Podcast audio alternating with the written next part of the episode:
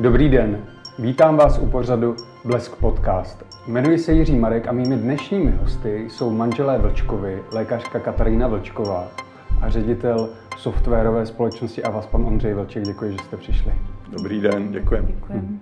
V minulém týdnu jste dokončili koupy usedlosti Cibulka, která je v Praze 5. Mm-hmm.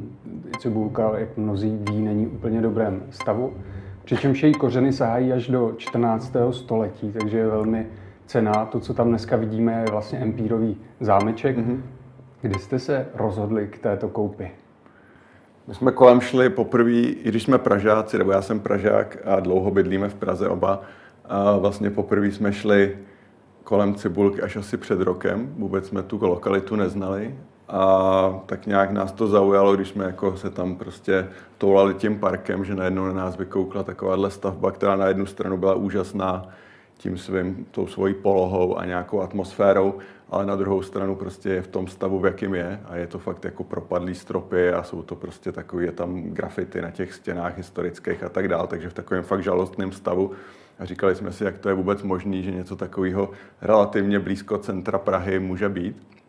A pak jsme to trošku jako uh, vytěsnili až vlastně potom, když jsme začali přemýšlet konkrétně, kde, kam teda umístit ten náš dětský hospic uh, koncem roku, tak ta cibulka se nám vlastně vrátila a začali jsme potom pátrat a uh, nějakým způsobem prostě si to dali dohromady a pak se to stalo.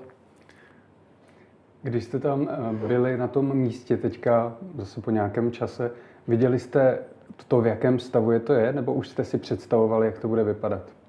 No, v jakém stavu to je, to jsme viděli zvenku. Ondřej tam byl i vevnitř se podívat předtím ještě v rámci to, domlouvání toho ty koupe, koupě, ale jako, jak, jak to tam bude vypadat, to si samozřejmě jako nějaký sen a představu, představu máme. Otázka je, jak, jak rychle se bude dařit to, ty, všechny ty představy naplnit, protože opravdu ten stav je asi ještě, ještě zevnitř ještě horší, než, než zvenku vypadá. Ale uh, věříme, že se to povede. O, teď nám, nás oslovuje spousta lidí, kteří by rádi pomohli s tím a, a vlastně to nadšení je veliký, tak uh, doufáme, že se toho uh, bude dát využít a, a že to nějak společnými silami zvládneme. Hmm, vy už jste na to vlastně narazil, pane Vlčku. Co s tím hodláte dělat? Což bude vlastně dětský hospice a středisko paliativní péče, hlavně teda pro děti a jejich rodiny. Hmm. Tak. Otázka je, proč zrovna tohleto využití pro Cibulku? My jsme začali obráceně. My jsme vlastně začali tím, že jsme si vytýčili, že chceme postavit eh, dětský hospic a středisko paliativní péče a až potom jsme začali přemýšlet, kam ho vlastně umístit. Takže ta cibulka, jako teď to možná vypadá, že vlastně jako ta cibulka je ta hlavní zpráva a ta hlavní zpráva vlastně bylo to, že máme záměr uh, vybudovat hospic, což je prostě pokračování nějakých našich aktivit uh, kolem tématu nemocných dětí, který jsme už dělali dřív. A prostě ta cibulka byla jedna z variant, který jsme zvažovali, jakože těch variant bylo víc, ale prostě nakonec z toho vyšla vlastně nejlíp a podařilo, jsme nadšení, že se nám podařilo ji získat, ale jako vlastně ten samotný plán toho, jak to tam bude vypadat, ten se teprve začne tvořit, protože eh, na jednu stranu eh, ten barák je prostě úžasný tím svým, tím svým geniem loci, je takový prostě fakt jako unikátní, až magický bych řekl, ale na druhou stranu ten hospic je zdravotnický zařízení, který má prostě požadavky specifický na technickou výbavu, je to prostě taková malá nemocnice, dá se říct, takže prostě od samozřejmostí jako klimatizace po šířky chodé, rozvody kyslíku a všechny tyhle ty věci, které jsou jednoduchý, pokud se staví nový barák na zelený louce, ale pokud se to má nějak vestavět do existující historické nemovitosti, tak to může být dost problém technicky. Takže vlastně tam bude spousta práce vymyslet uh, s tím týmem architektů, jak vlastně skloubit tu historickou budovu a tu, tu, tu řekněme, původní uh, stavbu s těma nárokama, které na to máme, prostě uh, vzhledem k tomu plánovanému využití.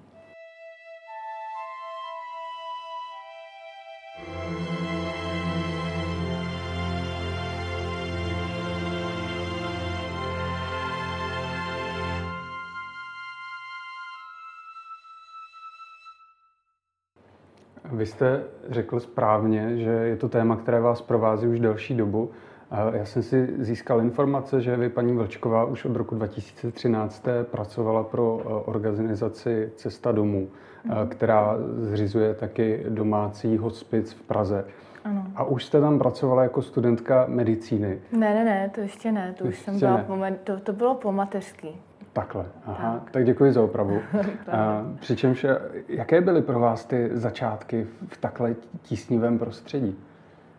No, musím říct, že pro mě to bylo úžasné, protože jsem předtím byla 8 let na mateřské dovolené a vlastně pracovat eh, v hospici eh, byl pro mě od, už od vysoké školy eh, takový jako sen a cíl. Takže v podstatě mě se splnil docela velmi rychle a ani jsem jako nevěděla úplně jak, nebo věděla jak, ale pro mě to bylo takové zázračné, že jsem mohla vlastně po mateřské nastoupit rovnou v cestě domů za což teda děkuju uh, paní primářce a, a tehdejšímu panu řediteli, že mi dali tu šanci, přestože jsem neměla ještě žádný jakoby po, uh, postgraduální uh, stupeň nějaký jako zkoušky, atestace, takže um, to bylo pro mě moc cené, že jsem mohla vlastně rovnou začít dělat to, co, to, co mě hodně táhlo a lákalo. A takže ten začátek pro mě byl opravdu jakoby hodně cený a a nabíjející, nebo prostě byla jsem fakt jako ráda, že, že jsem mohla. Trošku jsem se bála, jestli to jakoby nesklame to mé očekávání od té práce, ale, ale ne, prostě se mi potvrdilo, že jsem se v tom našla, že je to práce, kterou prostě chci dělat nadále a doufám, že mi to dlouho vydrží. takže, takže tak, no samozřejmě člověk se musí naučit vyrovnávat se s těmi těžkými uh, osudy lidí, nebo s těžkou situací, tím, že si ta rodina prochází těžkou situací, ale díky tomu týmu, který, eh, který máme a nepracujeme samostatně každý v té rodině, ale pracujeme jako tým a jako tým se vlastně společně vyrovnáváme s tím těžkým, tak, tak eh, vlastně se ta práce dá dělat dlouhodobě a může přinášet velké obohacení. Hmm. Myslíte si, že člověk proto musí být nějak vybaven, aby byl tváří v tvář té nejtěžší lidské životní situaci? Myslím si, že člověk musí být vybaven na všechno. Jako prostě nemůže každý dělat cokoliv. A takže určitě musí být nějakým způsobem vybaven. Ale no a, a je to vlastně přirozené, mně to přijde úplně v pořádku. Důležité je, že si to dokáže najít a platí to v každém medicínském oboru, eh, že vlastně je důležité, aby si, jak se říká, aby si ten eh, lékař našel toho svého pacienta, aby ho to vlastně bavilo, naplňovalo ta práce. A každý ten obor potřebuje nebo eh, vyžaduje jiné asi nastavení, schopnosti toho, toho lékaře, ale je to tak v, i v jiných profesích samozřejmě. Co konkrétně pomáhá vám jako se to odbourat, ten stres? Tak je to víc věcí, je to, samo, je to jako především, je to ten tým, se kterým pracuju. Eh, sestřičky, lékaři, podpůrný tým, který máme k dispozici nejenom pacienti, ale i my, takže vlastně my si mnoho toho, co je těžkého, my si to nenecháváme v sobě. To, co, to jsme se prostě naučili, že eh, že si to eh, všechno musíme nějak jako projít a říct si jeden druhému, to, co bylo těžké. A pak, když je tam jako nějaká taková jako osobní vlastní, něco jako těžkého, co vlastně tak jakoby zadrnká na tu moji vlastní osobní strunu, tak eh, mě pomáhají různé věci. Zapalit svíčku, eh, zalít si někam do ticha a eh, to, co asi nejvíc, když jsem plná emocí, tak si pustit smutný film a vybrečet se vlastně u toho a ne někde jinde, aby to hmm. prostě nějak jako ne, nepropuklo v nějakou nevhodnou chvíli. Takže těch, těch způsobů je víc a je to tak dobře. No, to, co je, to, co je jakoby důležité i v té práci, že se setkávám s lidmi, se kterými bych se jinde asi nepotkala a kteří uh, dokážou člověka opravdu naplnit a vlastně mám pocit, že to, co já vydám, že úplně stejně tak nebo možná i víc získám tím setkáním s, s rodinou, která se stará o umírající a s těmi samotnými umírajícími. Děkuji za odpověď. Hmm. Já teďka ještě diváky trošku uvedu do toho, že vy máte od roku 2015 eh, zapsaný ústav, nebo jste hmm. zřídili takhle, eh, který se jmenuje Zlatá rybka a plní eh, sny dětem od 3 do 18 let. Hmm, většinou to jsou děti, které mají nějaký onkologický problém, mají těžkou, těžkou nemoc. A, takže já jenom ocituji, co jste napsali v té první výroční zprávě. Hmm. S hodou náhod, nebo možná ne náhod, se Katka s tímto nápadem svěřila Ondřejovi ve chvíli, kdy zrovna dočetl knihu Hvězdy nám nepřáli od Jordan Greena, vyprávějící o onkologicky nemocných dětech. Kniha to moc dobrá není, ale jedna z věcí, která ho v ní zaujala, byla jistá organizace, která plnila přání nemocným dětem.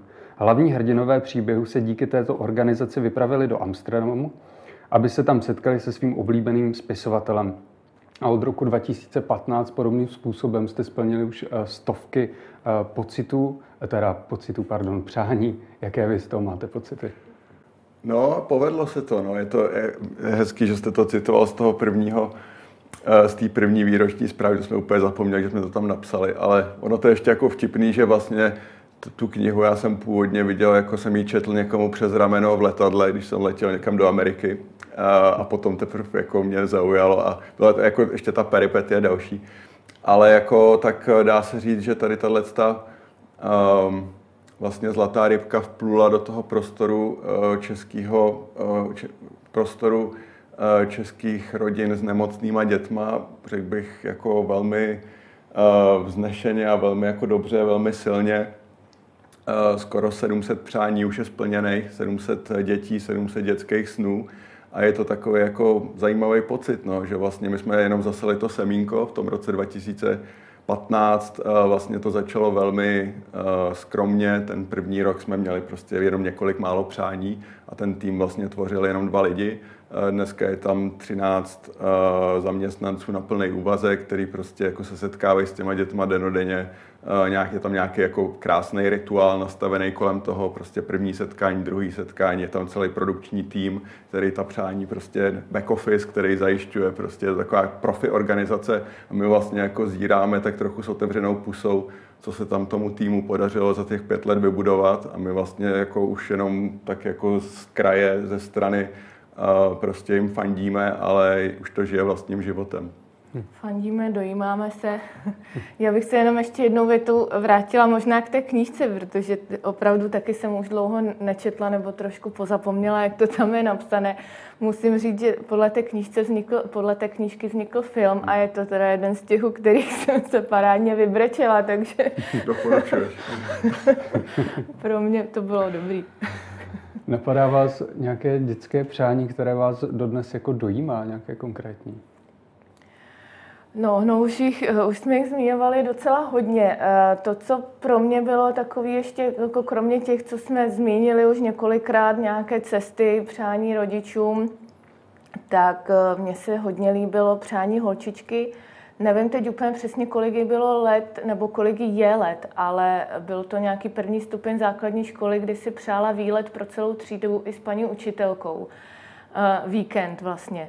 A e, to mě úplně nadchlo, že vlastně to bylo fakt skvělé a to se moc povedlo. Hmm. Hmm. Že vyjeli od pátku do neděle a moc si to užili všechny děti, paní učitelka. No a tam bylo ještě to přání, teda takový to fakt silný, a vlastně to by člověk nevymyslel, tam byla nějaká holčička, která se chtěla setkat se svým strejdou, který byl ve vězení, byl ve výkonu trestu a jako normálně vlastně tam nebyly návštěvy, tak eh, jsme zařizovali prostě s vězeňskou zprávou, aby se tady ta sedmiletá holčička mohla nemocná vážně, mohla jít setkat se svým strýčkem do vězení. A bylo to, vlastně se to povedlo z toho, jako vznikl nějaký docela jako eh, velký takový oslava vlastně a bylo to hrozně hezký, ta vstřícnost celého toho celého toho zařízení, že by člověk prostě nenapadl, že se dostane do takovéhohle prostředí, ale bylo to hrozně silný vlastně ten zážitek z toho pro všechny kolem, včetně těch lidí, kteří v tom vězení pracují. Hmm. Jo, tam nám hodně pomohl kaplan vězeňský. Hmm. S tím. Hmm. Já jenom ještě pro naše diváky a posluchače doplním eh, jednu věc, kterou možná neví. Váš tým je tak dobrý, že dokázal domluvit rozhovor s, nebo rozhovor setkání s Cristianem Ronaldem nebo Lionelem Messim nebo mhm. Valentinem Rosim, tak to je jenom, jak je dobrý ten tým, abych pozdvihl. Mám takovou možná osobní otázku na vás. Jak, jak vy se kolem své dobročinné činnosti cítíte? Jak se vám usíná? No, teď zrovna se nám usíná velmi, nebo mně se osobně usíná velmi špatně, protože se nemůžu odtrhnout od všech těch mailů a, a snažím se všem odpovědět a, A hrozně mi líto, když to nestihnu odpovědět všem, kteří, kteří nám píšou a moc nás povzbuzují.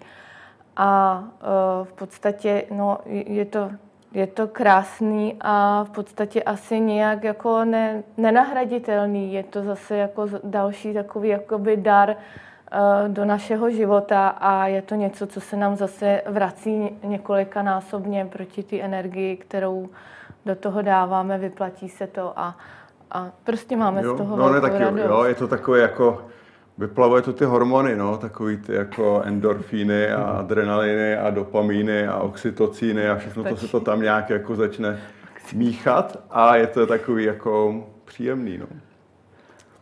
Já totiž, když, když bych si měl promítnout do té vaší pozice, tak je to takový, řekl bych, zvláštní, poněvadž se míchají dva, dva pocity ve mně. Vy na jednu stranu vidíte opravdu ty dětské pacienty, kte, kteří nakonec často té své nemoci prostě podlehnou a na druhou stranu se snažíte jim všemožnými způsoby zpříjemnit ten odchod z tohoto světa, tak nemíchá se to ve vás. Tak nejenom ten odchod, ono právě, že jde právě o to, co je před tím odchodem a čím je toho času méně, tím je důležitější.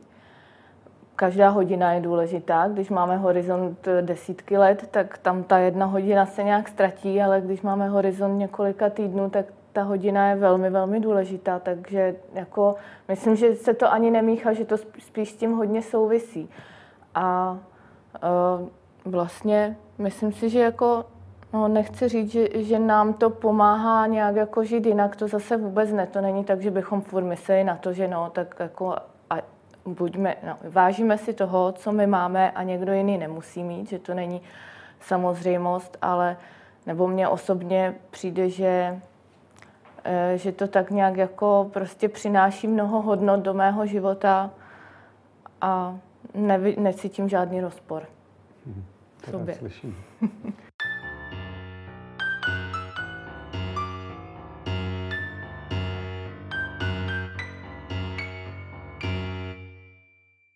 Myslíte si, že se mluví v tom veřejném prostoru dostatečně o tomhle, já nevím, jestli fenoménu, jestli to tak můžu nazvat? No, myslím si, že teď se o něm mluví poměrně hodně a je to krásné nebo až nečekané, hmm. protože uh, určitě se o tom dostatečně nemluvilo a nebo aspoň já jsem mě, ale myslím si, že obecně prostě panoval ten dojem, že lidi se snaží vytěsnit takové těžké uh, témata ze života a nevšímat si jich a tak jako kolem toho projít, protože jim nedělají dobře, je to přirozené, to není něco, co by se dalo někomu vyčítat ale eh, v podstatě teď nám mě zaskočila příjemně ta vlna, kolik lidí to zaujalo a kolik lidí se toho tématu nebojí, kolik lidí tomu fandí a rozumí, že myslím si, že eh, je to určitě i odraz, odraz společnosti, že když vlastně se to téma společensky nějak eh, dává jakoby na oči, tak si, tak si lidi s tím naučí pracovat a to je to důležité. Jako to přirozený, přirozené ucuknutí a odvrácení zraku je, je jako normální lidská reakce. A když to téma je v té společnosti otevřené a přirozené, tak se lidi na s tím naučí pracovat a myslím si, že to je to, co je důležité. Takže budeme jenom rádi, když, když to neupadne úplně zase na tu nulu. Já taky doufám a moc vám fandím.